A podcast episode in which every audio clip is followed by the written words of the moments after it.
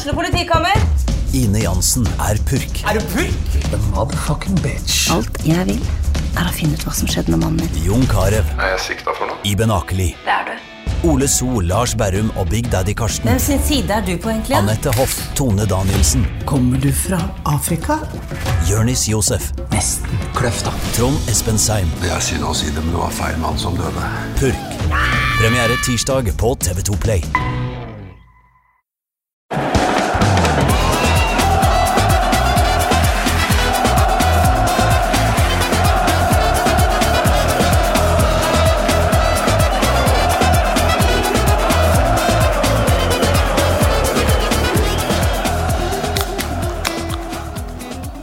Der spratt vi en av sesongens aller siste ølbokser i eh, Pyro Pivo sesong fem.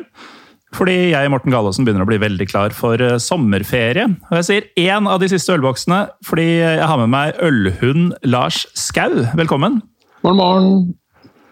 Har du tenkt å ta deg et lite beger under sendinga i dag? Jeg skulle gjerne gjort det, men jeg skal ut og kjøre bil etterpå. Jeg skal på medlemsmøte i Vålerenga fotball. Åhå. Hva skal skje der? Jeg vet ikke om det er vareopptelling på hvor mange spillere vi har som kan stå på beina, eller hva det er. Men det, det blir en sånn generell orientering av hvordan ting har gått og framtida og hei og sånn. Det er som med liksom, trenere og alt mulig. Og så blir det sikkert noe info om Europa også. Ja, og det er jo det vi skal snakke om i dag, det siste. Men uh, siden du først nevner dette med spillere som står på beina. Vi prata litt før vi begynte her. Du er jo Vålerenga-supporter for eh, eventuelle nye lyttere. Eh, Skjønner ikke helt hvor nye lyttere skal komme fra etter fem år med Pyro og Pivo, men eh, du, du er ikke så fornøyd om dagen, du? Nei, jeg er litt, litt smågretten da. Liksom, det er jo åpen, jak åpen jaktsesong på spillerne våre, virker det som. I går så var det Odd Grenland som skada Dønnum og Sarawi. Det er de to mest kreative, gode offensive spillerne vi har. Og det var ikke noe sånn Det var ikke sånn som skjer, på en måte. Det, det virka som ordentlig mannevonde handlinger. Ja, altså det er jo klassen De sier jo liksom at det ikke er med vilje og sånn, og det, det er jo sikkert det. Men uh, når han spilleren som knekker beinet ish på Dønnum, har gått ut før kampen i media og sagt at han skal spille stygt mot Dønnum, så ser det jo ikke så bra ut når han må ut etter 20 minutter. Og kan være ute i lang tid. De har fortsatt ikke sagt hva som er galt med han dagen etterpå. Og det er jo ikke et veldig bra tegn.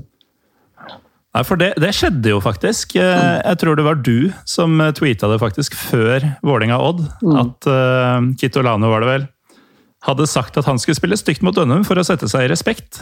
Han skulle spille hardt, eller Han brukte vel ordet stygt også, tror jeg? Ja, det var det han Jonas Tidlig. Berg Jansen brukte, vel. Så ja, nei, det var jo, han gjorde jo det, da. Så han gjorde det han sa. Så slipper ja, han jo selvfølgelig med gult, da. Fordi det er jo det er jo sånn vi gjør i Norge, i dommerstanden i Norge. Det er, liksom, det er samme straff for å ta av seg drakta etter scoring, da, som å potensielt ødelegge karrieren til en fyr. Ja, og Å, nå skjer det mye i halsen min etter de første par slurkene. Og så fikk han samme Eh. spilleren straffe etterpå mot oss, da, han som skulle vært utvist. Ja, men det er jo altså alle som har holdt med en eh, dysfunksjonell eh, norsk klubb, og det er ganske mange av oss, gjenkjennelig. veit jo at den naturregelen der, eh, samt at spillere som ikke har scora for sin nye klubb, eller scora for sesongen ennå, eh, eller klubber som sliter og har tapt fem på rad og sånn eh, Alt sånt løser seg når akkurat ditt lag, uavhengig av hvem du holder med, egentlig. Men det gjelder både som- deg og meg. Og, spiller spillere som aldri har scora Eliteserien før. Som er liksom 25 og har prøvd lenge og liksom får dem sitt gjennombrudd mot laget ditt. Da er det hat altså, trick. så, sånn jeg husker eh, serieåpninga til Lillestrøm da, mot eh, Godset i Drammen, så var det sånn tre 17-åringer som starta på midtbanen til Godset. Ingen av dem hadde spilt juniorfotball engang, liksom.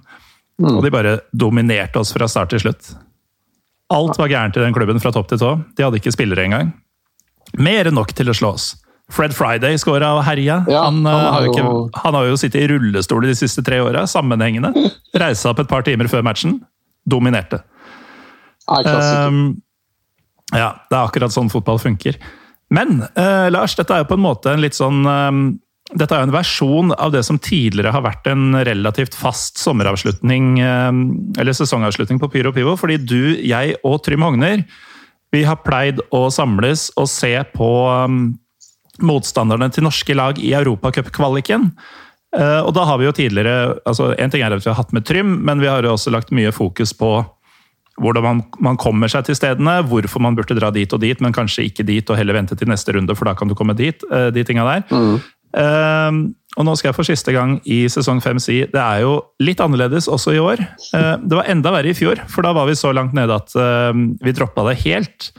Men vi skal faktisk se litt på motstanderne og byene som norske supportere kunne ha reist til, hvis det ikke var, eh, var pest på gang. Um, ja, men Trym er jo da ikke ja, det, er, det er jo et lite håp, da. Det er klart, du må jo Ja, vi kan jo ta det kanskje etterpå. Du må jo gå ganske lange omveier uh, og ha litt tur. Så kan det bli mm. match. Ja, eh, vi kommer nok litt inn på det mm, etter hvert. Men eh, altså, vi har ikke med oss Trym, fordi mm, kombinasjonen nedrykk eh, og VAR og falsk publikumslyd det har rett og slett drept det lille han hadde av livsglede. Eller i hvert fall fortellerglede. Så det blir du og jeg og noen veldig hypotetiske reiseplaner i dag, men vi skal i hvert fall ta for oss Litt om eh, motstanderne til Molde, Rosenborg, Bodø-Glimt og Vålerenga. Og en annen ting som er nytt av året, er jo at vi tre har jo alltid sittet i Trym er jo også LSK-fan. Um, så vi har sittet to Lillestrøm-fans og en Vålerenga-fan og bare drømt om å holde med hvilken som helst annen klubb. Fordi det er jo aldri sånn at vi skal få være med i Europa. Um, I år så er jo faktisk gutta dine kvalifisert uh, til kvalifiseringa. Yes. Um, uten at uh, det nødvendigvis Eh, betyr 2000 klansfolk på tur. Men eh, det kommer vi, kommer vi, tilbake til det også. Eh, vi kan jo starte med det kjipeste av de norske laga, som også har fått den kjipeste motstanderen. Molde. De, ja. de skal rett og slett møte Servett. Ja. Og altså det, det, høres litt ut som serviett, og det er jo et eller annet um, Altså, det er, det er noe sånn veldig hva er det det heter? Desinfisert? Altså, det, er, det, er så, det, er, så, kjedelig. Det, det er så reint. Ja. Uh, ja. Uh, servett, altså. Hvor, skal, hvor, begynner vi her, da? Først så tenkte jeg på Championship Manager. Fordi de var mm. jo ganske gode eh, for mange år siden. Uh, og så har de liksom bare forsvunnet helt fra radaren, og det er ikke så rart når jeg begynte å sjekke dem ut. For de har vært konk. Ja, da, da forsvinner man jo. Ja, inntil man kommer tilbake i ny, eh, si, nytt eierskap. Så mm. Det var vel i 2004 de, de røyk, da. Og da har de vært borte ganske lenge, så nå er de ute i Europa igjen. Er det for første gang siden det. Ja. Men jeg tenker jo at Molde, sportslig sett så har Molde vært jævlig uheldig her. da. Fordi at uh, Dette er jo et lag som kom på tredjeplass i sveitsisk liga. Langt bak mm. Young Boys, men bare to eller tre poeng etter uh, Basel. Eh, så det er jo en viss kvalitet her. Og de er jo også usida. Fordi at de ikke har vært med i Europacupen før, så de har bare den der eh, nasjonspoenga i bånn. Mm. Mens Molde har sånn 17 000 poeng eller noe sånt. nå. Vålinga hadde jo bare nasjonspoengene, og det var sånn 4002 for Norge. da. Mm. Eh, så litt uheldig for Molde, men de er jo gode nok allikevel. Da, fordi du ser jo, de, de hever seg jo veldig i Europa ofte. Ja, Vi skal ikke mange månedene tilbake før Molde um, både slo og spilte jevnt mot uh, vesentlig bedre lag enn det vi tror uh, Servett er. Ja, det, de hadde en bortematch i Istanbul blant annet, hvor det var, var han kameraten vår som slo Panenka straffer her. Gjorde han ikke det? Er, ja, det begynner å bli noen år siden. Det var det, det var flere år siden. Ja. ja. Det var tilbake i 2015, tror jeg. Fordi um, det var jo en av få ganger hvor jeg kunne Jeg holder jo også med Fenerbahçe, som eh, er laget du sikter til, som sto på motsatt side der. Og um, den høsten så kunne jeg faktisk dra som bortesupporter til Molde og vinne. Og det går jo ikke an med mitt norske lag, men uh, når eh, de utenlandske gutta mine kommer til Molde, da er det faktisk et visst håp. Eh, Trym, som ikke er her i dag, opplevde jo det samme med, med Partisan mm. Eh, for er det to år siden nå, vel. Um, Okay. Men uansett, Hvis jeg er 2015, altså. altså jeg vet, jeg begynner å bli så gammel, du, så jeg tror at alt som skjedde for ti år siden, det skjedde i går, liksom. mm. Så, men, okay. Men det sjukeste med akkurat det, er jo at nå foregår det jo et EM. Altså jeg har jo et eh, halvt øye på Ukraina og Nord-Makedonia mens vi snakker nå.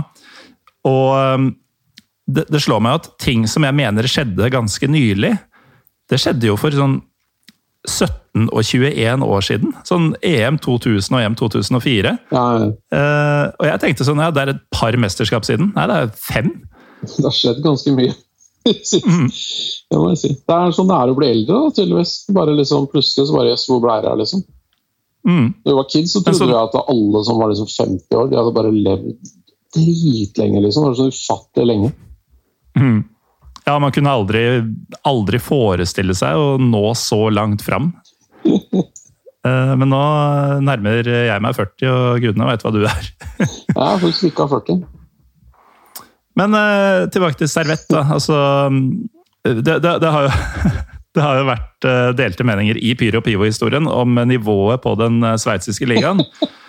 Eh, og det virker jo som om altså, Servett er jo det laget som nå midlertidig har plassen bak de to som alltid er med i Europa. Men det er jo ingen tvil om at Molde møter et ganske bra lag her. Om det er den 12. eller 14. beste ligaen i Europa, det er liksom ikke så, så nøye. Men det, er jo, altså, det er jo et lag som vi ikke kjenner til. Eh, det er et kjedelig navn. Det kommer jo ikke til å komme supportere derfra, selv om sveitsisk supporterkultur eh, ofte er veldig bra. Uten at jeg vet åssen den er akkurat servett. Jeg har imidlertid ikke sånn veldig trua på hva de har å komme med på tribunen, fordi Nei. hvor er servett fra, Lars? Nei, det er fra Genéve, da. ikke sant? Og det er jo liksom verdens finans- og sånn skattesnyterparadis. Og alle mulige sånne internasjonale pamper som jobber i sånn FN og sånne steder. Mhm. Altså, det er eh, Må vel være Vest-Europas minst sjarmerende by, sånn eh, uten å ha vært der, da. Men sånn på overflaten. Det er svært I hvert fall det inntrykket man sitter med. Det er, Mm. ja, det er svært lite sexy. Det er liksom Ja, det administrative fra Brussel og eh, er det noe annet?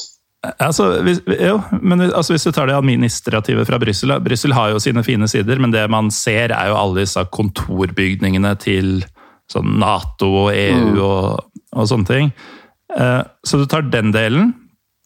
Og så er det jo litt sånn pampete, som du sier. Så hvis du tenker sånn Det mest snobbete uh, sånn kulturmessig fra Wien, som ellers er en fet by, men all det derre opera, filharmoni og sånn, det, det er for pamper og ikke for eh, folk som oss. Um, og så snakker de fransk. altså det er, Ja, ja. Og det er det liksom er en, eh, det er en eh, en godtebolle der som smaker ræv. Ja, jeg hørte det er kult på hockeykamp der, faktisk. Eh, Men det er fordi sveitsiske hockeyfans er jo jævlig bra. Og hockey Selv i Genéve. Eh, Ja, visstnok så er de ganske bra. Også ligaen har jo veldig høyt nivå. Eh, Men det er klart, de drikker jo rødvin på matcha og ikke, ikke øl, da, ikke sant. Men jeg, jeg, men jeg kan ikke tenke meg at det liksom F.eks. Sånn som St. Gallen, da. Når de spilte i Norge her. altså De var jo heftige, ikke sant.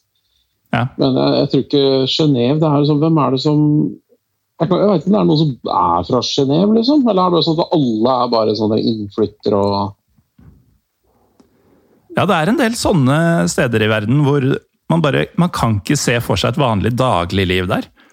Kan ikke se for meg at disse pampene bare våkner i en eh, si, eh, enebolig, eh, kjører bilen sin eh, til eh, parkeringshuset på jobben, jobber åtte timer, drar hjem via en Carrefour eller noe sånt for å kjøpe middag, og så hjem og henge med ungene, liksom. Det, det, det er ikke sånn Genéve funker, tenker jeg. Nei, det er jo en sånn uh, litt sånn urban, uh, veldig høyt utdanna elite, ikke sant? Som, eh, som går på kunstgalleri og, og filharmoniske konserter og sånt nå, og spiser uh, fjong mat og sånn. Det er sikkert veldig rimelig høy livskvalitet her, men eh, det er ikke den livskvaliteten vi i Pyro Pivo setter pris på.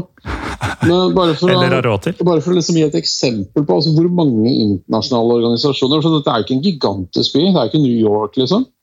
Mm. Det er så mange internasjonale organisasjoner i Genéve at det er en egen Wikipedia-side. Og den var så stor at jeg måtte scrolle på PC-en for å komme til bånn.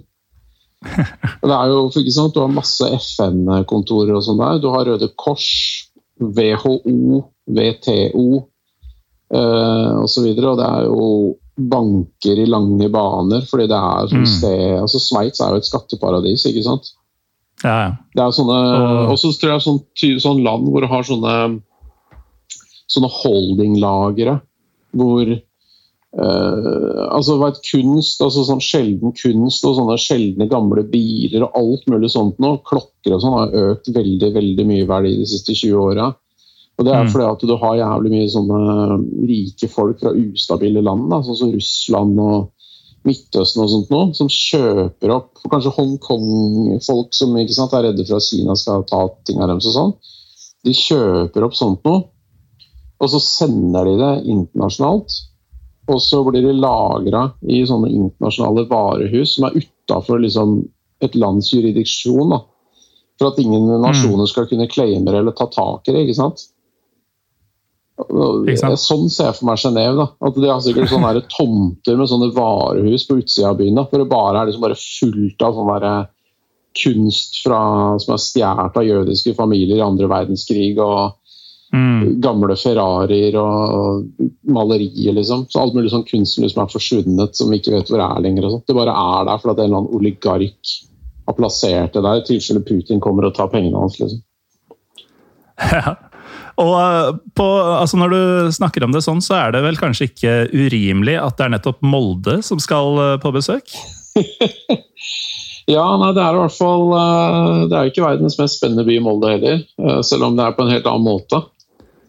Men det er jo godt mulig at noen av eh, altså Moldes bakmenn eh, har gode kontakter i Genéve? Å ja, nei, det, det er det kanskje et poeng, ja. Det skal du ikke se bort ifra. Det er, de har noen bankforbindelser der, tenker jeg. ja, kan hende. Det kan hende. Litt sånn der eh, konsultasjonsfolk som sitter på kontorer og Mm. Ja, det, det er nok meget mulig. Det er meget mulig. Men altså Sportslig så tenker jeg at eh, Molde har ikke hatt eh, flaks, eh, både fordi det er en god motstander og fordi det er en kjedelig motstander. Så det er akkurat de to tinga du ikke ønsker deg på et tidlig stadium i, i Europa. Men jo det at det var usida, ikke sant. Så de, de kunne fått uh, noe sånn jalla som de slår De kunne fått ikke sant, irsk motstand, da. mm, Og så får de dette her, som tross alt er et topplag i Sveits. Og de har eh, Jeg har sett at de har han derre Gail Clichy i, i laget. han kommer aldri til å legge opp, han. Ja, han er bare 35, da. Jeg trodde han var på 40, men er Jeg tror han var 38-39 da han var i Başakşehir for et par år siden. Så han har blitt yngre siden den gangen, tydeligvis. Ja, selvfølgelig internett, men kanskje jeg tok feil. Ja.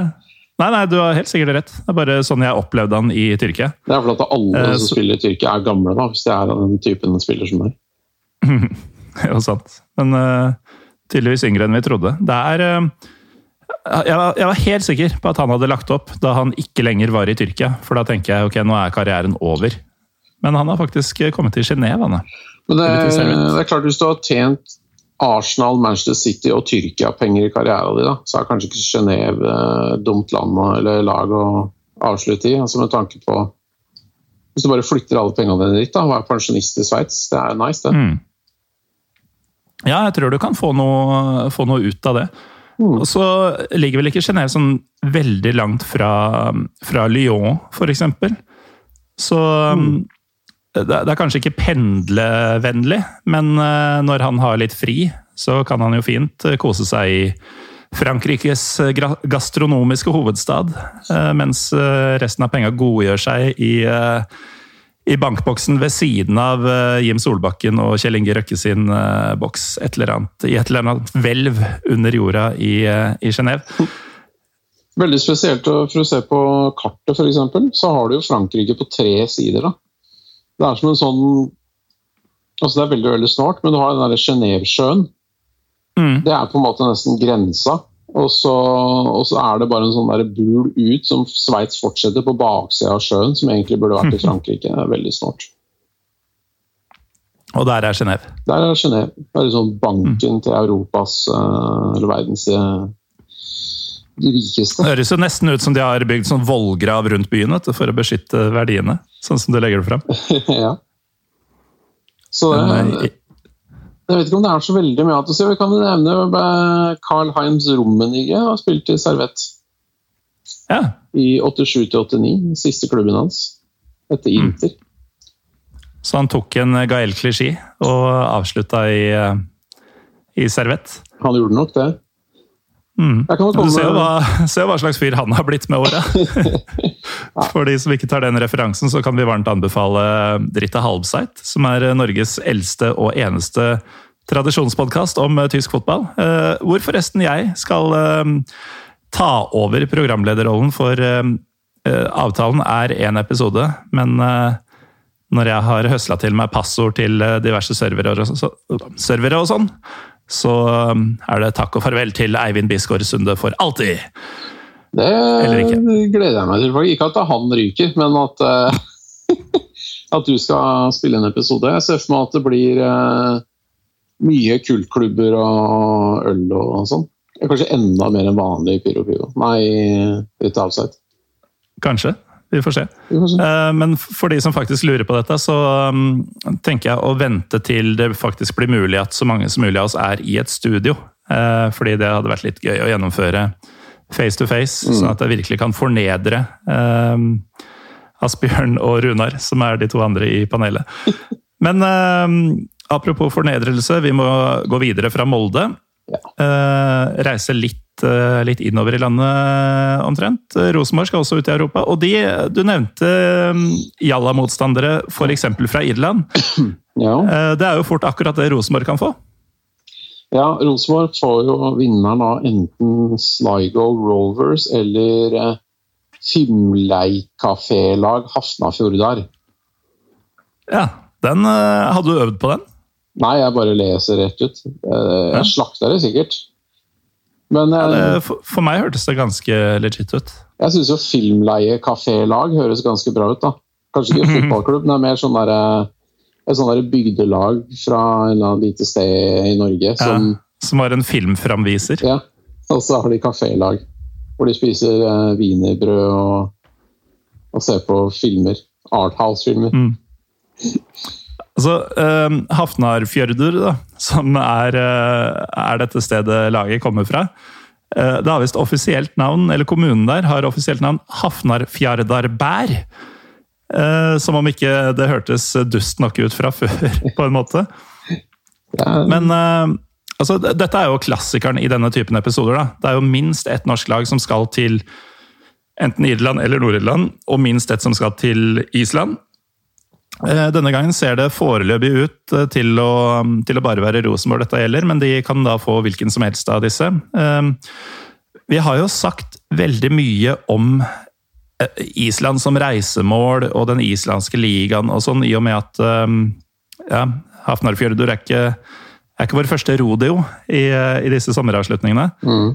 Men er det noe som på en måte skiller eh, denne byen, dette laget, fra eh, Vestmannaeyjar og Valur og Keflavik og Grindavik og hva de nå heter? alle sammen? altså det er jo en så vidt jeg skjønner, er en separat by, men det er jo sånn én mil fra Reykjavik. da. Mm, Så det er jo fordi nesten alle på Island bor nede i det hjørnet der, virker det som. ja. Eh, Men eh, så vidt jeg kan se, så har de aldri møtt et norsk lag i Europacupen. FH. Oi, ja. Eh, så det er nesten godt ganske- gjort hvis man er derfra. Ja, det er ganske imponerende. Eh, og så har de altså eh, Jeg har funnet ut at de har en tidligere Lillestrøm-assistenttrener, som nå er hovedtrener her, som heter Logi Olafsson. Logi Olafsson. Han er hovedtrener der. Mm. Og så for Rosenborg et ja. Han hadde vel det ansvaret Jeg lurer på om det var mellom Lars Kjernås og Halvard Thoresen. ja. Så um, han er jo en rekke der som, uh, av ganske dyktige folk, da. Ja, det får vi si. Uh, Det er Men- jo også, de får jo også da et uh, gjensyn med Matti Williamson. Oi! Og han kjenner jo Rosenborg rimelig godt. Ja, det, det kan du si. Så- Kanskje han kan finne på noe kødd? Altså, jeg tenker at han og Olavsson eh, seg imellom, de kjenner i hvert fall eh, norsk fotball eh, veldig godt. Og Williamson, det er jo ikke så lenge siden han var i Rosenborg. Nei, det er ikke noe Jeg tror de, de kjenner Rosenborg veldig godt. Det er ikke noe fordel for Rosenborg, dette her. og eh, Det er ikke noe kokoslag heller. Altså, de har jo, altså, det er klart eh, Rosenborg skal jo være bedre, men eh, Rosenborg skal også være bedre enn Strømsgodset. ja. Så med den formen de har nå, skal du inn her, og så møter du f.eks. Altså, i mål. De har jo færøyske landslagskeeperen, da. Han, som han Gunnar Nilsen, som har vært rundt i England og Skottland og stutsatt, som uh, Erik Niva pleier å si. De har uh, han derre Eggert Jonsson uh, på laget. Han har liksom 130 kamper for Hearts, f.eks. Altså, det er jo Mm. mye erfaring her, ikke sant? ja. Eh, så dette er jo en klubb som er litt underlig, for at de er stifta tilbake til 1939, har jeg lest. Men de, de har ikke utrettet 29, noen- tror jeg det var. Ja, 29 var det kanskje. Men de har ikke gjort noen ting før 2000-tallet.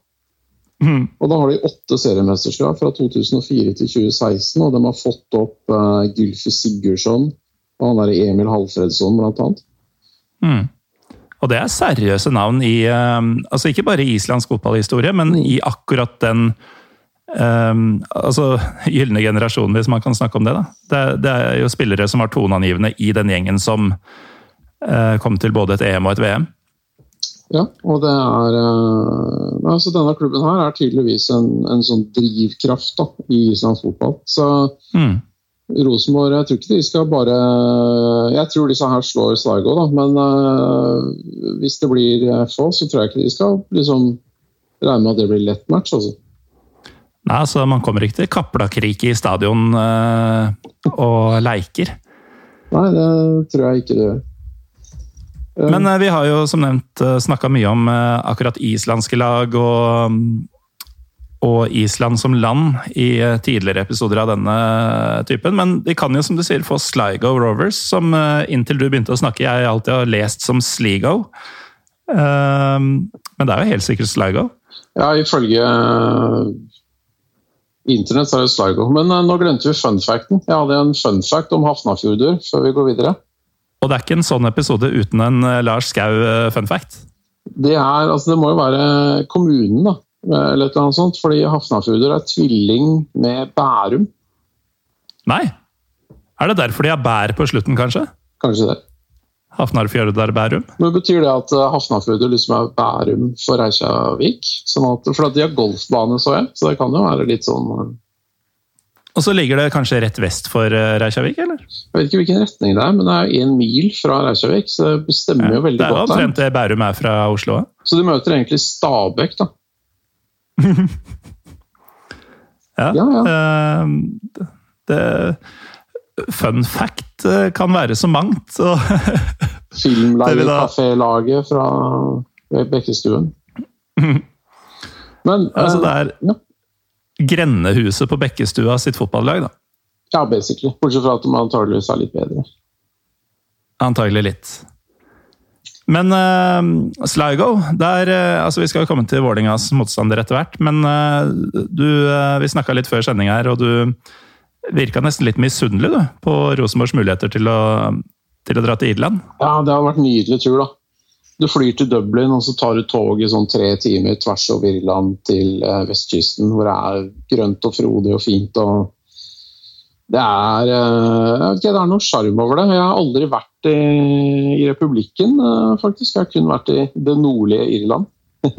Mm. Så Jeg har ikke det engang. ja. Det er ganske fint der. Det virker veldig koselig der. En liten by, da. Eh, Mm. Har rundt 40 000 innbyggere. Det har vært et viktig sted i Irland i flere tusen år, eh, faktisk. Havneby.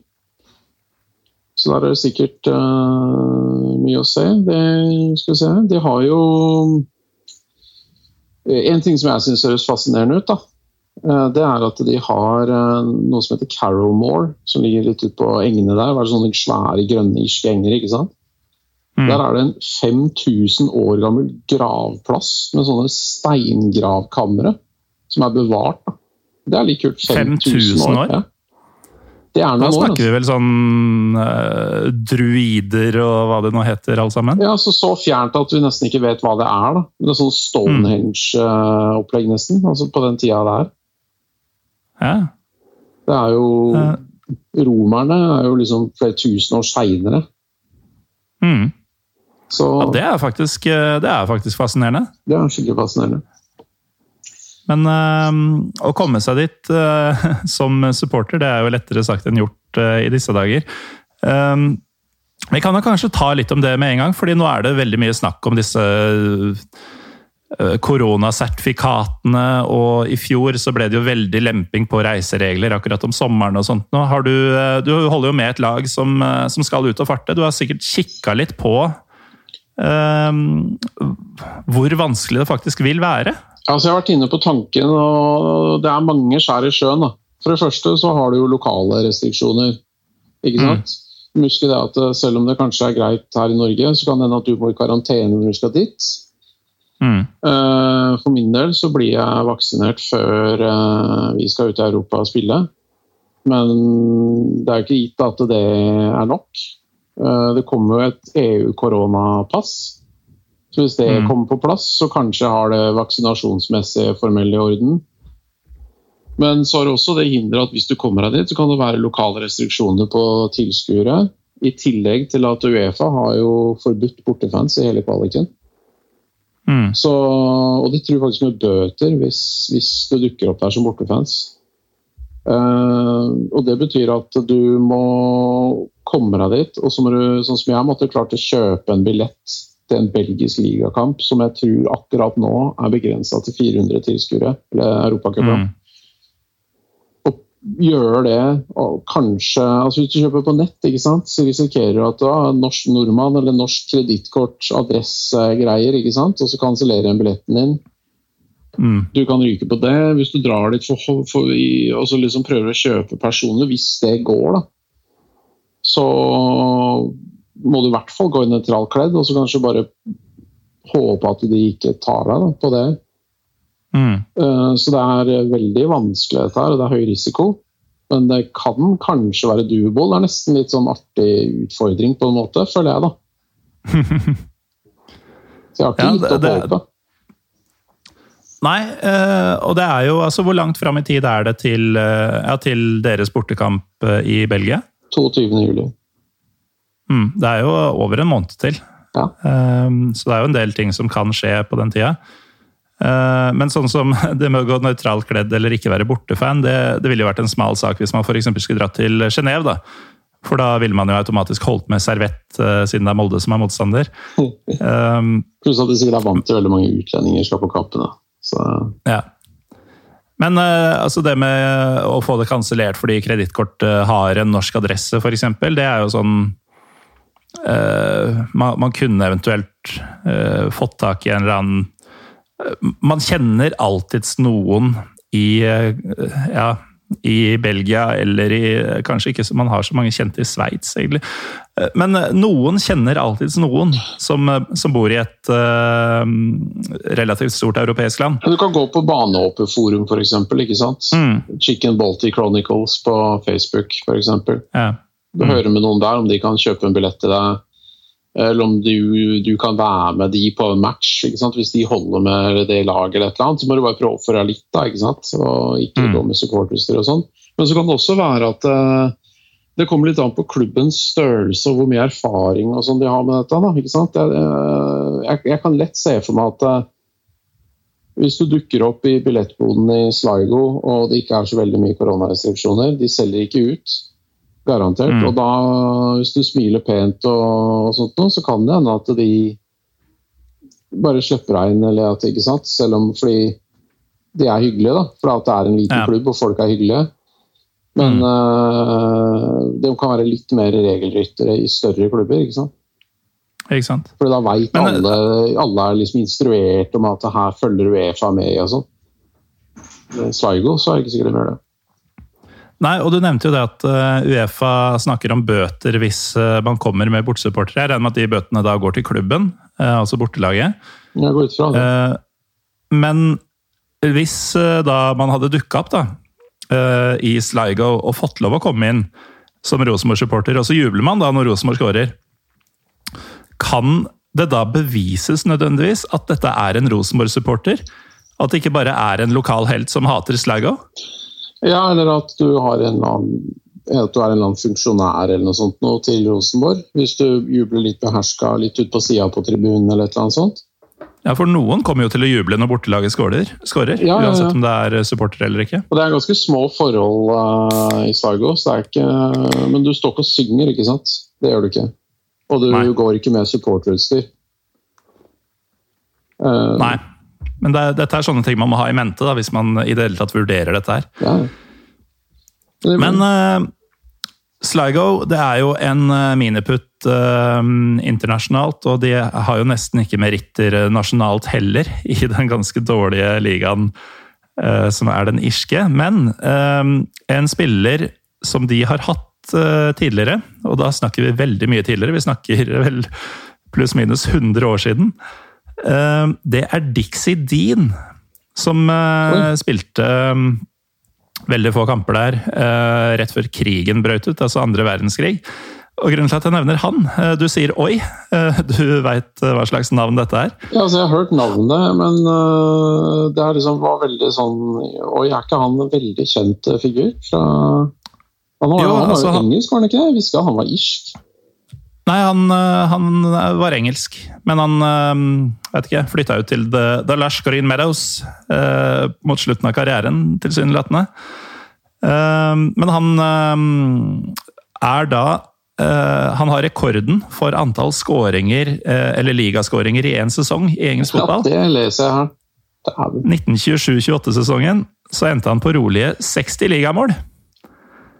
Jeg ser han var i Everton fra 1925-1937. Da skåra han 350 mål.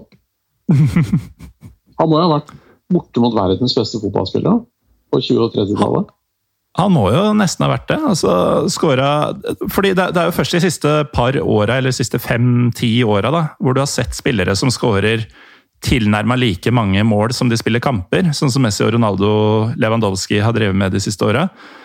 Eh, Det var jo uhørt eh, alltid, egentlig. Eh, Toppskårer i Premier League endte på sånn 23 mål på 38 kamper. og sånn. Det var helt vanlig. Da var de helt fantastisk gode. ikke sant? Eh, Det er det vi er vant til, før, eh, før disse gærningene har dukka opp de siste åra. Men han holdt på sånn på 20-tallet, han. Ja. Og her er en sånn- nydelig historie forresten, fra tida hans i Spargo. Mm. Han blei jo henta dit sikkert av noen sånne lokale næringslivsfolk eller noe sånt, da, for at de Mm. skulle vinne den der FAI-cupen. Altså nasjonale cupen her. Uh, og da spilte han uh, og skåra én gang. Det var i finalen mot Shelbourne. Uh, de tapte da Det ble uavgjort, og så tapte de eh, Det ble altså ny match, da, replay, og da tapte de 1-0. Så da fikk han en sånn derre Hva heter det? Sånn runner-up medal, altså andreplass, liksom. Mm. Eh, og da den ble stjålet fra hotellrommet hans 39 år etterpå så reiste han tilbake til Irland for å se Sligo spille kamp i 1978-cupfinalen. Mm. Og da ble det levert en pakke på hotellet hans til han, og da lå medaljen inni. Det er jo ganske rått. Det er fantastisk, ass! Det er en herlig historie. Mm. Så Sligo er da, ehm, så vidt vi kan forstå, et eh, fint sted å besøke. Ehm, Det er sikkert ikke Historisk, spennende som du eh, er ute etter sånn klubbing eh, på nattested, og sånn, men jeg tror det er koselig. Mm. Ja. Eh, helt sikkert hyggelige folk på den lokale kroa, som, ehm, som vil vise deg forskjellen på Bushmills og Jameson, f.eks. Veldig eh, hyggelig, antagelig. Så det, mm. Jeg tror jeg aldri har møtt en kjedelig ire i hele mitt liv. Å, det er litt morsomt at du nevner, fordi eh, en av mine første sånn shady utenlandsturer, det var til Riga. Eh, Og da var jeg der sammen med en kompis som eh, hadde, Han er halvt engelsk, hadde da akkurat tjenestegjort fire år i den britiske hæren. Og da traff vi en ire på et av utestedene i Riga. Og vi andre syntes han iren var ganske fet. Men han halvt engelske fyren han sto liksom og furta litt borti hjørnet. da. Og viste seg jo da at de hadde jo ganske motstridende meninger om, eh, om The Queen og om eh, The Troubles og Ja. eh, sånne ting. Og da var det fullt av sånne herre ah, Irer er så livstrøtte og triste og kjedelige. altså Akkurat det motsatte da, av ditt inntrykk, og egentlig av vårt inntrykk eh, med den samme fyren. Mm. Man skulle liksom selge et bilde av irer som antagelig bare fins i det miljøet han akkurat hadde vært eh, i, i fire år. Ja, det vil jeg tro. Men jeg har jo også inntrykk av at de fleste liksom, briter og engelskmenn og sånn, har et godt inntrykk av irer. da. De er jo kjent for å være livete og liksom, blide. Liksom. Det er mm. folkemusikk og Det er liksom tjohei, da. Ja, Det er sånn gladfyll og, og folkemusikk. Ja. Det er det de driver med. Tørst folkeslag. Ja. Apropos tørste folkeslag. Nordlendingene skal til Polen. Ja, det, Altså, det blir hvis vi tar, eh, tar drikkekonkurransen først, da, hvem ville vinne? Pol- Polakkene vinner den. ass. De gjør det? Ja. Men før, Så før vi går videre fra Stargo, kan jeg bare si noe om den klubben? Ja, vi, vi må jo si litt om klubben kjapp, også. Morten. Rosenborg har møtt dem før, Åhå! i 2014. Det er ikke så lenge siden. Det er ikke så lenge siden heller, det. Og da dro Sligo til Lerkendal i første kamp og vant 2-1 foran eh, enorme Stemmer det. 2900 tilskuere på Lerkendal. Da var det sommerferie i Trondheim. Trondheim altså. Ja. Eh, og så reiste Rosenborg til Sligo, og da skåra de først foran 3800 tilskuere på The Showgrounds. Da var det nok stinn Brakke der, tenker jeg. Mm. Eh, og så var det Helland og Mike Jensen da, som ødela moroa. De har også møtt Molde eh, året før det, tapte de 0-3. Og Lille, Lillestrøm har de møtt i gruppespillet i Intertoto-cupen i 96. Tapte 4-0 på Åråsen.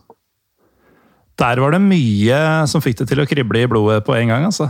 Eh, gruppespill på Åråsen i Intertoto-cupen på 90-tallet. Altså, sånn da var jeg fortsatt og sånn. Ja, og jeg var jo fortsatt en uskyldig ung eh, jypling som trodde at fotball eh, var gøy og noe som var bra for livet mitt og sånn.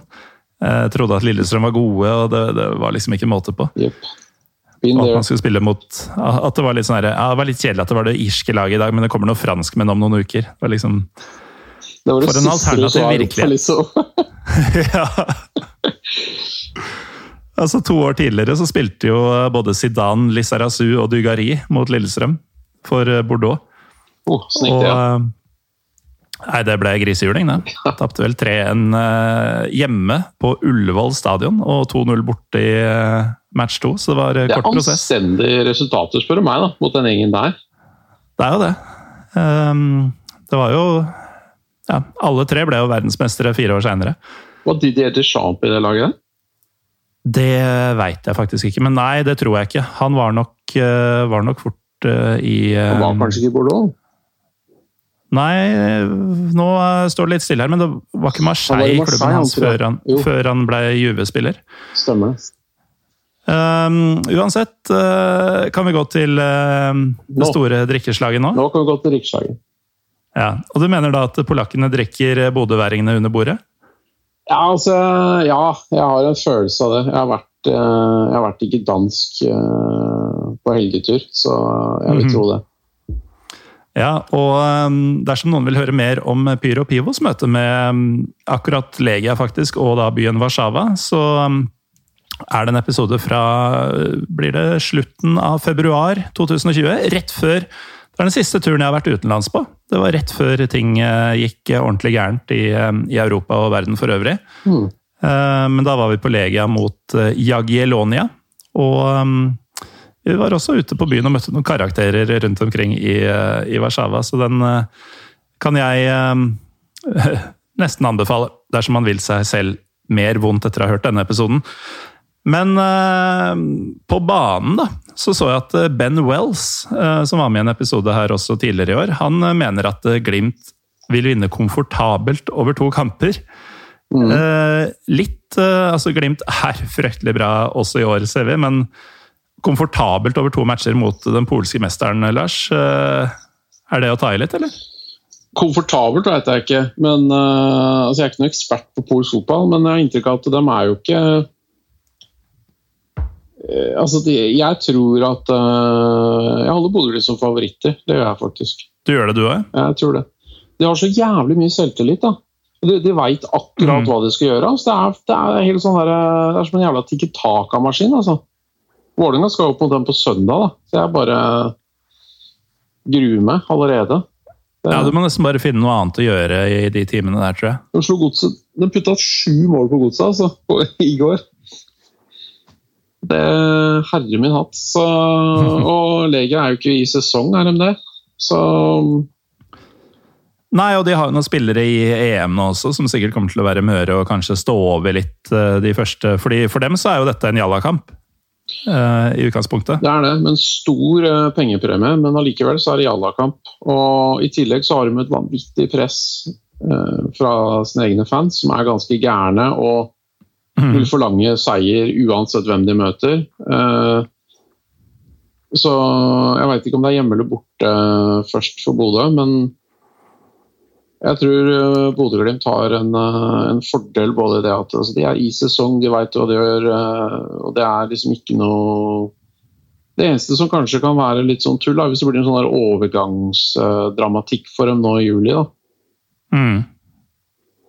Men det er litt vanskelig å se hva, hva det skulle vært også, fordi de som har vært å selge etter forrige sesong, de er jo solgt. Um, Det ble og de ikke som er i ferd... ja, det det ble ikke kjøptestykker så mye som jeg trodde, da. Nei, for så vidt ikke. Det er vel et par på midtbanen der som, eh, som fort kan eh, havne andre steder. Men eh, de, de vil jo ikke bli ribba i sommer. I hvert fall ikke verre enn de ble i vinter. Og det ser jo ikke ut til å ha satt dem tilbake noe. Nesten sånn som året før. Hvor de mista enda flere spillere enn de gjorde nå i vinter, og var bare enda mye bedre etterpå. Det er utrolig imponerende. Ja, At det Patrick Berg fortsatt er i mm. At han fortsatt er der. Det, nå er det, noe, det ryktes at han er på vei til Celtic. vet du. Nå er det noen Celtic-band som har vært inne og redigert Wikipedia-sida hans. De kaller han for Patrick Berg the Tim Hunscalper. Men eh, apropos Celtic, så er jo det et eh, relevant navn å nevne i Legias europacuphistorie. Ja. Eh, det var vel Ronny Deilas eh, Celtic mot Henning Bergs Legia, tror jeg. Ja, En svært Der, eh, lite ærerike hendelsen. Ja, Der Legia bare maltrakterte Celtic i to kamper. For så å bli hivd ut pga.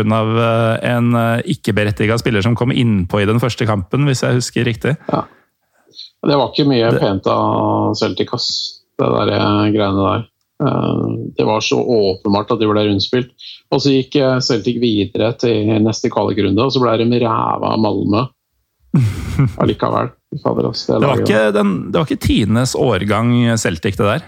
Når Legia og Malmö bare Nei, det var jo ikke det. gruser dem uke etter uke. Og Deila har jo fått litt sånn veksla ettermæle etter det øh, oppholdet der òg, vel. Men øh, de, de, han, han var jo basically en vaktmester til Rangers var tilbake. De prøvde å styre skuta sånn å spare mest mulig penger og vinne ligaen litt sånn first price, da. Men da gikk jo det utover det de hadde i Europa. Ja.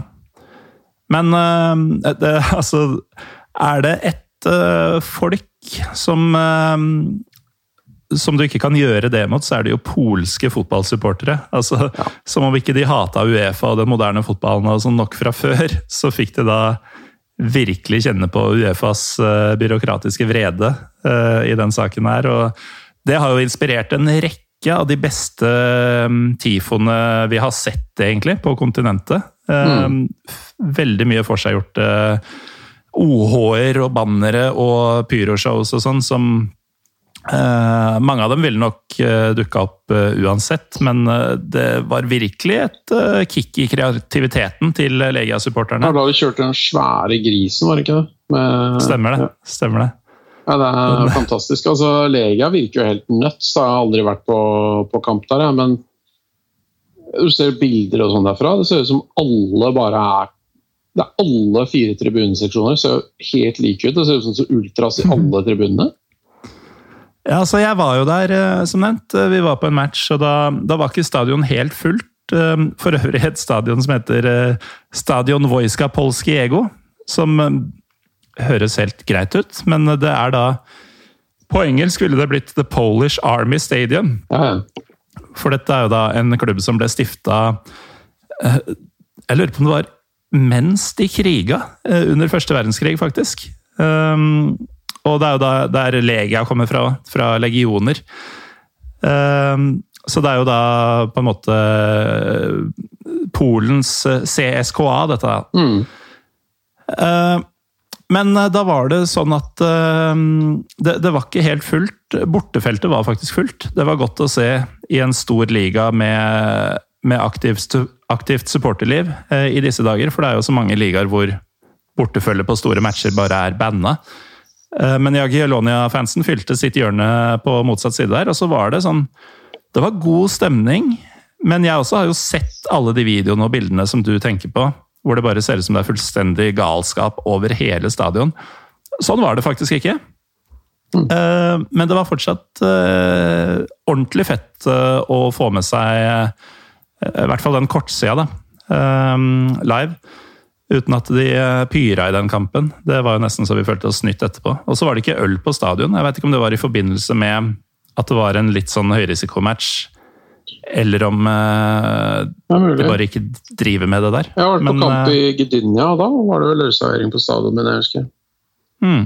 Ja, og i uh, Krakow også er det visst vanlig med ølservering. Så jeg antar at det bare var en midlertidig uh, stopp pga. motstanderen eller noe sånt. Mm. Men i hvert fall for for disse Glimt-supporterne som dessverre ikke får dratt, med mindre de eh, benytter seg av dine smutthull, eh, Lars. Så går man jo da glipp av en utrolig eh, interessant by. Definitivt ikke den peneste verken i Europa eller i Polen. Noe fordi tyskerne de skulle jo jevne den med jorda og bygge en park. Og dette, dette er ikke en småby, liksom. De, de skulle lage en helvetes Altså, de skulle bare lage noe sånn naturreservat der en by med altså, Hvor mange bor der? Tre millioner, eller noe sånt? Det er, det er svære greier, liksom. Kartago-metoden, rett og slett? Bare og slett. fjerne hele byen? Mm.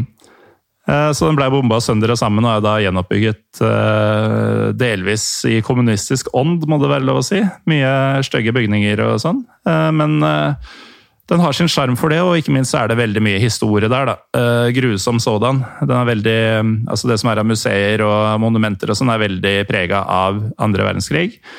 Uh, så det er jo litt sånn mørkt, men veldig spennende. Og så er det jo da et ganske kult stadion som er til forveksling likt eh, Olympiakos sitt, dersom noen har vært der. Men det er jo også et ganske bra lag, da. Selv om uh, både du og Ben Wells mener at Glimt skal vinne her, så har du jo altså, din gamle kjenning, uh, Lars, Arthur Boruts. Mm, ja. Han er jo keeperen deres. Han er tilbake der, og han er jo Legia Ultra, vet du. Altså, er han, er jo han er superfan, liksom. Jeg tror han har Legia-tatoveringer og sånn. Mm -hmm. Veldig, uh, veldig hardcore Legia-mann. Ja, der ser du. Og så er det jo sånn, Du har jo uh, Tomas Pekkart, han er jo den tsjekkiske troppen uh, nå. Mm. Uh, nå er riktignok ikke spissplassen der tsjekkerne er mest sexy, men han spiller nå EM i hvert fall. Du har um, den serbiske venstrebekken Mladenovic. Du har Bartosz Kapuska, som har masse landskamper for Polen, hvis jeg ikke blander han med noen andre. Så det er, et, det er et bra lag her, og de har jo tross alt vunnet serien i Polen de siste par åra. Ja. Uh, nå veit ikke jeg åssen det er med restriksjoner på tribunene i Polen, uh, men jeg ser jo for meg at de Glimt-supporterne som ikke drar, uh, vil bli relativt imponert over det. Ehm, det jeg vil anta er noen tusen, i hvert fall, kommer til å levere der. Eh, og det er jo også det er vel litt sånn Glimt har jo vært på sitt beste i den tida hvor trøkket fra tribunene når de har reist rundt omkring, ikke har vært eh, ja, nærmest til stede. Så kan det jo fort bli en ordentlig aha-opplevelse for dem uh, den veien. Ja, hvis det er fullt av nutcaser der, så kan det ha noe å si. Eh, de er jo De har jo hatt kanskje litt tur med sånn Når de møtte Milan borte, sånn, så var det vel knapt tilskudd da? Nei, det var vel ingen, tror jeg. Så det kan nok være en, en ny erfaring for dem, da. Eh, mm. men jeg tenker i hvert fall at hvis de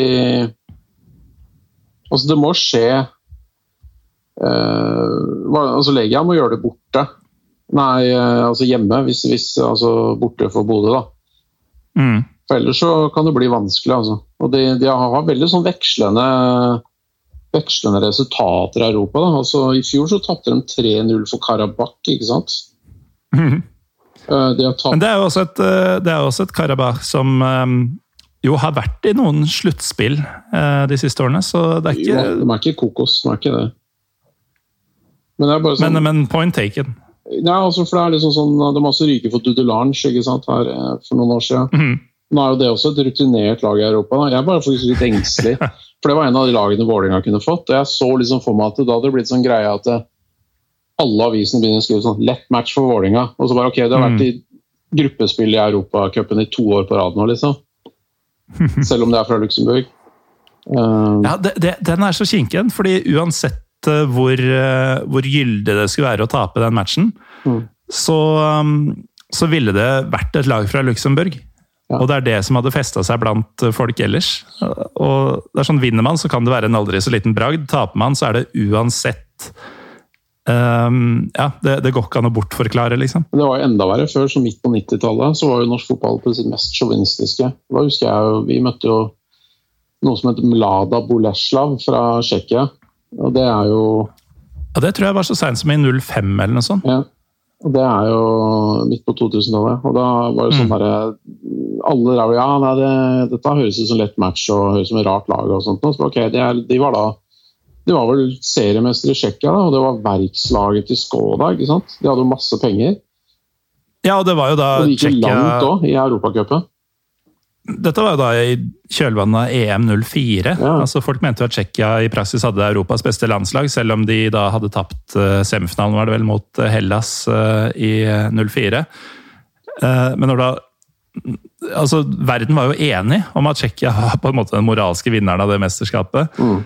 Eh, Og da har du seriemesteren i det laget, og det, eh, i det landet, og så skal det latterliggjøres av norsk presse og norsk publikum. Det var jo sånt de holdt på. Vi møtte Staua også, vet du. Vi fikk jo Mm. julinga, de hadde han der Mirel Radoy, og jeg har vært innom det på en sending her tidligere. Ja. Daniel Nicolita og sånn, de hadde skikkelig mange gode spillere. Mm. Og de, de gikk jo til nesten semifinale eller kvartfinale i Europacupen det året. da. Men det var fortsatt Mm. pepper da, at vi tapte 3-0 for det. liksom. Ja. Men det er bakgårdsligaer, vet du. Ja, Det- er Derfor, eh, derfor vi starta Pyro Pivo, si.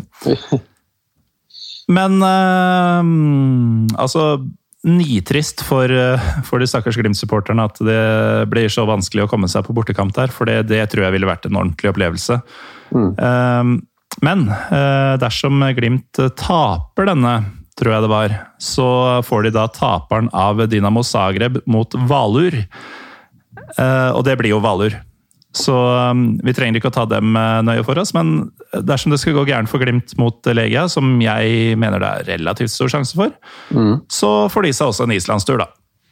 Ja. Eh, men da er det jo bare å spole tilbake for Glimt-supportere hvis de vil høre mer om eh, Island. ja? Hvaler, de er jo Det er i Reykjavik, det, eller? Stort Ja sett så er det jo det. Det er Reykjavik. Men så har vi spart eh, rosinen i pølsa da, til eh, slutt. Ja. for du som Vålerenga-fan skal nå eh, for første gang, eh, tror jeg, mens vi har gjort disse episodene, få lov å snakke om en Vålerenga-motstander. Ja, Det er ti år siden sist vi var i Europa. Ja. Altså, Først og fremst, hva, hva syns du om trekninga? Dere fikk altså Gent. Ikke Genk, men Gent eh, fra Belgia. Jeg er veldig skuffa på egentlig alle mulige måter. Fordi Uefa setter jo opp de seeding-gruppene, ikke sant. Så da får du en Mm. sånn hint om hvem det kan bli, da. Eh, De kjører ikke straight trekning, for det er så mange lag at det hadde vel tatt tre timer antagelig. Men da Mm. var det jo Gent, og så kunne vi få Hibernian, AGF Århus, Dudelange og Santa Clara fra Azorene. Portugisiske laget. Og Det er jo heller ikke noe drømmemotstander rent sportslig. da. Da får du i hvert fall en insane tur hvis du kan dra, da. Ja, men å, å få Azorene i sommerferien et år du ikke kan dra, det hadde føltes Nei, det er ikke så ganske kult, heller. Så det er egentlig greit at vi slapp de. Mm. Eh, Jeg håpa jo på Hibs eller AGF, eh, fordi de har vi kanskje en teoretisk outsidersjanse mot å slå. Eh, og kanskje hvis det er Danmark, så kunne det vært doable. Kanskje Storbritannia kunne vært doable. Gent slår vi 0,2 av 10 ganger. Mm. Og um, Altså Folk sier jo sånn Ja, ja, ok, det er bare på sjuendeplass i belgiske liga, men så, belgisk fotball er ikke, det er ikke noe tull, altså. Nei. Og de, de har jo den der rare sluttspillserien sin, og da vant de jo hele den. da. Mm. Så det er jo ikke, de er jo ikke dårlige, liksom. Um, Nei, Gent er ikke dårlig, det kan du trygt si. ja, de Og dette er jo sånn klubb som alltid er med i et eller annet europagruppespill også, føler jeg. Ja. Eh, Selv, selv om jeg da fort kan blande det med Genk, men de, de gjør seg gjeldende i Europa eh, om ikke hvert år, så i hvert fall regelmessig. Og um, som jeg nevnte, nå er jo den kampen over, men eh, jeg satt jo og så på eh, Ukraina og Nord-Makedonia mens vi eh, sendte nå. Eh, matchvinner ble jo Roman Jaremchuk, eh, spissen deres. Nå er det jo ikke usannsynlig at han er solgt før dere skal møte Gent, men eh, det er det kaliberet de har spillere på. det. Ja, da, det er det. Eh, Jeg registrerer også at de har han der Andreas Hanke Olsen. da. Ja, så det er, eh, Ikke, Det er jeg sier ikke at han er dårlig, da. Han, er jo, nei, det, er, det er både fugl og fisk her. han har jo fått landskamper, men det kan jo hvem som helst få i forsvaret til Norge tror jeg. Men Ja, det, det sier ikke så mye. Men Sven Koms har vært en litt sånn derre Altså, han har jo ikke vært god nok til å spille på den belgiske landslags midtbanen, men han har vært i skorpa der i årevis. Um, Laura de Poitre han har vel vært eh, både i Porto og Lurer på om han var en tur innom eh, engelsk fotball også. Um, de har en del, eh, en del bra spillere, altså.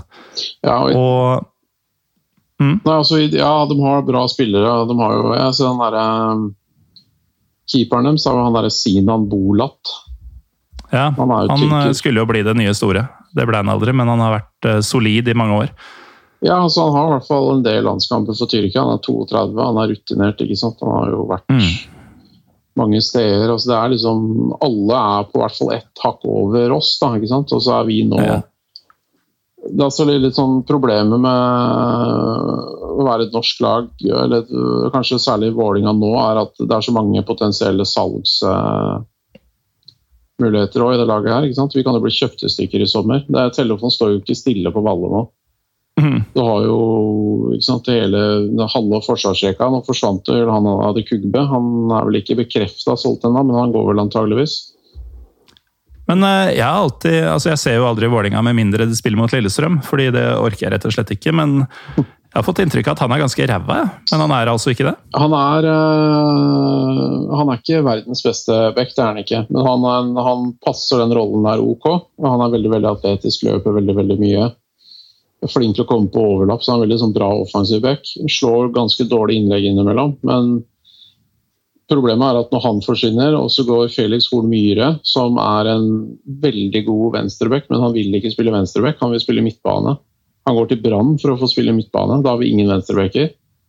Mm. Dønnum kan forsvinne hvis han ikke ble ødelagt. Og hvis han er ødelagt, så kan han ikke spille. Kristoffer Claesson er potensiell salgsobjekt. Eh, Sarawi altså det, er, det er så mye som kan skje her. Mm. Så det er helt umulig å si hvilket lag, hva slags lag vi stiller med, egentlig. Men eh, uansett så taper vi, så det er egentlig er ikke noe å bekymre seg for sånn sett. Ja, for det, jo mer jeg ser på det, jo, jo mer overbevist blir jeg om at eh, her er Vålinga faktisk sjanseløse. Og det var, det var jo en gang i tida hvor eh, altså, Du husker jo sikkert med ikke akkurat glede kampene mot Klubb Brugge for eh, en del 15 års tid siden. Fortrengt. da en straffekong sto i veien for Champions League. Um, men det, det var jo den tid hvor Vålerenga kunne måle krefter med den belgiske seriemesteren. Nå er det sånn at Vålerenga kommer ikke til å ha sjans mot uh, sjuendeplassen fra Belgia. Og um, man, man, når man ser på troppen her, så er det jo uh, det, det er jo mye ukjente navn også, i tillegg til de, de, de vi har nevnt. Men ser man, hvis man følger f.eks. han der Football Talent Scout, uh, Jacek Kolig, eller hva han heter, på, på um, Twitter, så ramser han jo gjerne opp uh, sånn Disse spillerne har vært via agent, f.eks. Og, og da ser du hvor vanvittig gode de har vært på å identifisere og hente talenter, da, og foredle dem, ikke minst. Så når du ser en liste med liksom marokkanere, nigerianere, ghanesere, angola, angolanere, angolesere Mm. Eh, og så videre, så veit du at her er det Blant disse så er jo det neste store. Ja, dette er jo en utviklingsklubb i Belgia. Og det vil si at De er jo på en hylle over oss. fordi at eh, Det er jo en sånn to. type klubb som kjøper de store talentene fra Norge for å utvikle dem videre i Belgia. ikke sant? Sånn som Sander Berge, eksempel, når han gikk til Genk. Mm. Mm. Eh, Jeg ser jo her, de har jo Selv om det var Genk. Ja, det var den andre. Men sånn som de har jo f.eks. En, eh, en svenske som heter Erik Smith. Han er jo leid ut til St. Pauli. Mm. Eh, og det er jo da sånn middelhavsfarer i, i andre Bundesliga. og det er liksom, han, er, han er per definisjon også en bedre spiller enn det vi antageligvis har. da. Og han plasser ikke i laget her. Eh, det er jo klubben som ja, Nå var det vel ikke bare de som fikk fram Kevin De Bruyne, men han var jo der som ungdomsspiller. da. Mm. Eh, altså, de har en enorm eh, liste over spillere de har utvikla. Så, så dette her er ikke noe, det er ikke noe tull. Det er ikke det. Og i beste pyro og pyvoen så vil jeg faktisk før matchene mot Vålerenga trekke fram eh, tieren. Eh, den offensive midtbanespilleren eh, Georgi Chakvetatse fra mitt kjære Georgia. Ja. Han er ikke gamle karen. Han er eh, blitt 21, fyller ikke 22 før eh, god tid etter disse matchene. Eh, men han Han er visst noe å virkelig se opp for. Og jeg håper jo selvfølgelig det stemmer. Jeg ser jo for meg, altså Inntil det motsatte er bevist, så tenker jeg at uh, Georgia om fire år, da, i 2025, er et ganske bra landslag. Eh, og da vil han i så fall være en viktig brikke. Men Ja. nok om det. Um, lei motstander for dere. Litt kjedelig, kanskje. Altså, det, er, det er jo et topplag, det er jo et jævlig bra lag, men det er ikke et lag som får det til å krible, kanskje. Så det er det verste av to verdener. Dere er sportslig sjanseløse, og det er ikke sånn superspennende. Jeg får litt sånn uh, å se de gutta her. servettvibber, liksom. Mm. Det er ikke så veldig spennende på noen som helst måte. Det er bare, de er bare jævlig gode. Ja. Men hadde dere kunnet dra, Lars? Eh, For jeg har jo vært i Gent, eh, og det er en flott liten by, altså. Mhm. Eh, Du flyr jo da til Brussel, og så er det, hvis jeg husker riktig, halvtimes tid med tog. Sitter du på en halvtime til, så havner du i Brygge, forresten, som er en enda finere by. Mm. Men dersom man liker Amsterdam, så får man litt sånn First Price-versjon av det, kanskje. Det er masse kanaler. Det er en studentby, så det er mye unge, livlige folk. Det er jo belgisk ølkultur, Mm. Eh, så ethvert vannhull du går inn på, vil jo ha masse spennende for dem som liker det. Og de vil også ha sånn type mas og jupiler for de som ikke liker eh, spennende øl. Um, Det er i det hele tatt et veldig, veldig hyggelig sted å være. Eh, vesentlig kulere by enn en Brussel sjøl, f.eks.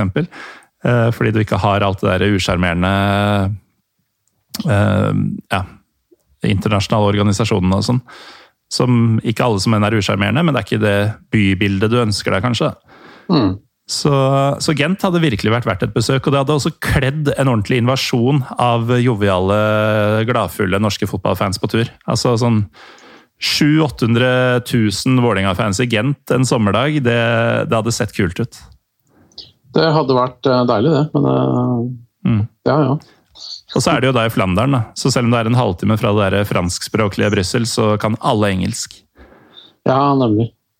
For det er litt snart. Jeg har vært i Brussel. da. og det- Jeg har liksom aldri tenkt på Brussel som noe Men altså, det, altså, det er en veldig fransk by. Veldig. Altså, jeg opplever Brussel som franskere enn mye av Frankrike.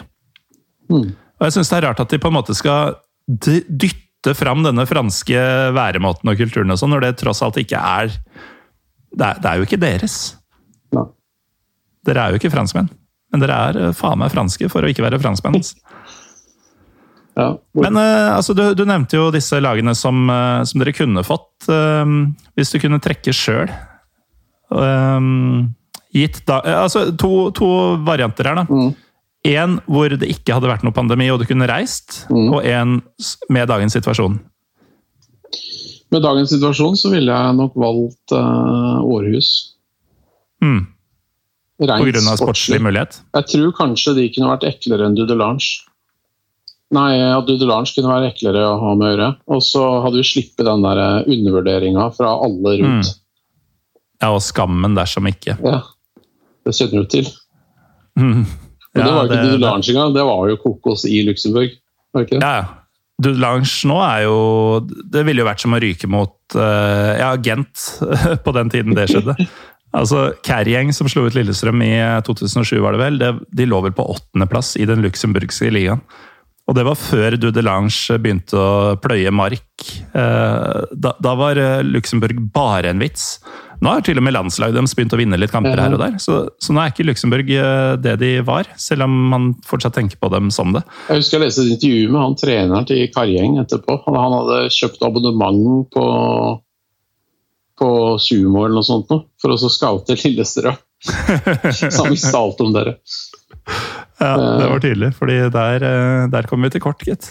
Jeg ville nok tatt den reisemessig så hadde det vært jævlig kult med Azorene. Da, bare for å liksom, at hatt den borte til det vestligste klubblaget i Europa, tror jeg. Mm. Men uh, garantert uh, kun én runde. Uh, så det, det, det, sier litt at de er vestligst. Fordi sånn Storbritannia, Irland ligger langt vest. Mm. Island enda mer. Men Azorene er altså såpass langt ut i jo, for jeg tror, sånn som Granca er sørover, dette er mm. vestover. Mm. Så det er, liksom, det er, på høyde med Portugal og Spania, tror jeg. Bare at det er rett ut. Mm. Langt ut. Så, men uh, ellers tenker jeg kanskje reisemessig også Jeg har aldri vært i Edinburgh. Og jeg har alltid hatt lyst til å se Hibs på Easter eh, Road også. Så, mm. Og jeg tror over to kamper, hvis alt klaffer, så er det ikke utenkelig at vi kunne tatt dem. Men det er det altså mot uh, Gent? Og Gent. Så det er eh, Det blir to kamper i Europa, og det er det. Mm. Ja. Og det blir antageligvis ikke mulighet til å reise. Nei. Men eh, kan dere kvale for neste års Europa, Lars? Um, la oss si at Dønnum og Sarawi ikke er ferdige som fotballspillere. Det kan gjøre det, men jeg føler det henger en litt sånn tynn tråd. Da. Det er ikke lett å komme Altså, nå var det jo fire plasser i ligaen nå pga. cupen var avlyst da, i fjor. Mm. Så i år, da, så enten må du liksom vinne cupen eller potensielt komme topp tre. Det tror jeg ikke vi gjør. Jeg tror fjerdeplass er det aller beste vi kan holde på. Mm. Det, Bodø og Molde og Rosenborg kommer til å komme foran, og kanskje også KBK. De er jo av en eller annen grunn så er de, de er bare så jævlig seige. Så Det er litt for Ja, det vet jeg alt om. Um, uansett, det betyr jo i praksis at om et års tid så ses vi her forhåpentligvis også med Trym Hogner, forhåpentligvis i studio. Hvor vi da atter en gang skal uh, legge reiseplaner for alle andre klubber enn våre egne. Dessverre. Så da, da, er normalen virkelig tilbake, da. Om ikke annet. Mm.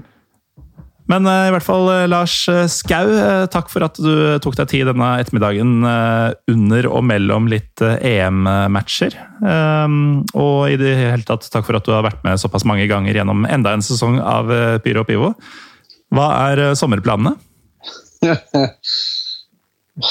Nei, det frister jo med en liten tur til Belgia, da. Men da må jeg prøve å lure meg inn på en eller annen måte, ellers så er det Men du er ikke ferdig med å gruble på det der? Nei, det er jeg ikke, for jeg er så jævlig sta. Jeg, driver, jeg, har faktisk prøvd å finne ut i og med at jeg driver en liten uh, Vålerenga-blogg, og kanskje lurer meg inn på en presseakkreditering. Men nå, ja. mens vi prata, så har jeg fått svar tilbake at uh, eh, pga. koronatiltak i Belgia, så er Gent kun, de får kun lov å ta imot journalister som er medlem av Their National Sports Press Association. Ja, det er sånn presseforbund-varianter, da. Ja, det det er jo ikke du. Nei, jeg er ikke der, dessverre. Nei.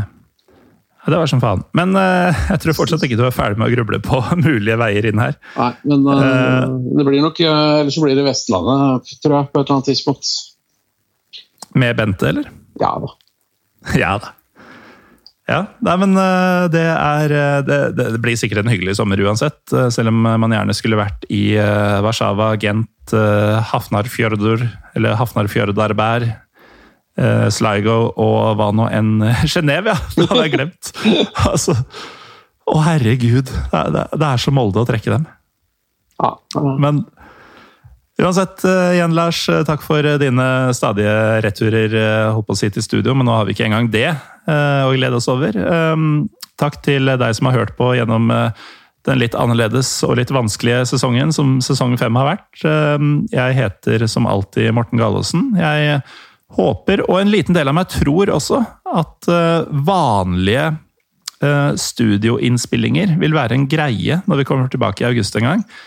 Og en liten, enda mindre del av meg tror også at vi da etter hvert kan begynne å snakke litt om tribuneting som faktisk skjer, og ikke sånne hypotetiske greier som, eh, som vi har drevet med det siste året. Så eh, ja, jeg kan jo like gjerne være nådeløs ærlig. Denne sesongen har vært ganske seig å lage, altså. For dette er en podkast tufta på reising og uh, tribunehendelser. Mm. Og i halvannet år snart så har vi ikke fått noe av noen av delene. Så um, for dere som har holdt ut sammen med meg dette året, tusen takk for det. Og så håper vi alle på lysere tider om allerede et par måneder. Så takk for nå, og takk for denne sesongen.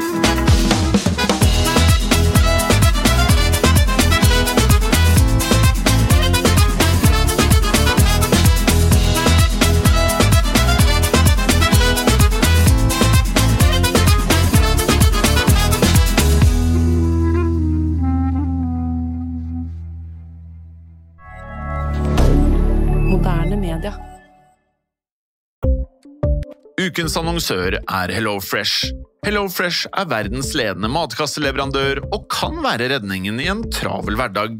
Mange av oss har nok vandret i butikken både sultne og uten en plan for middagen, som ender med at vi går for de samme kjedelige rettene gang på gang. Middag burde være dagens høydepunkt. Som HelloFresh kan du nå velge mellom 25 ulike retter hver eneste uke, eller få HelloFresh til å sette sammen menyen for deg. Dette gir deg muligheten til å prøve nye og spennende retter alene eller sammen med familien. Du velger antall porsjoner og får alt levert på døren på et tidspunkt som passer for deg. Oppskriftene er enkle, og maten er lett å lage både for store og for små. Ved å få alt levert hjem får du også mer tid til å dele matgleden med familie og venner. Kanskje det frister med asiatiske tacos eller greskinspirert kylling? Da kan jeg anbefale deg om å gå inn på hellofresh.no. Her kan du bruke koden FOTBALL og få opptil 1779 kroner i rabatt på de første fem matkastene hvis du ikke har prøvd Hello Fresh tidligere. Du kan også bruke rabatten hvis du har vært kunde og stoppet abonnementet ditt for tolv måneder siden eller lengre. Gå inn på hellofresh.no og bruk koden FOTBALL. Har du et enkeltpersonforetak eller en liten bedrift? Da er du sikkert lei av å høre meg snakke om hvor enkelt det er med kvitteringer og bilag i fiken, så vi eh, gir oss her, vi. Fordi vi liker enkelt. Fiken superenkelt regnskap.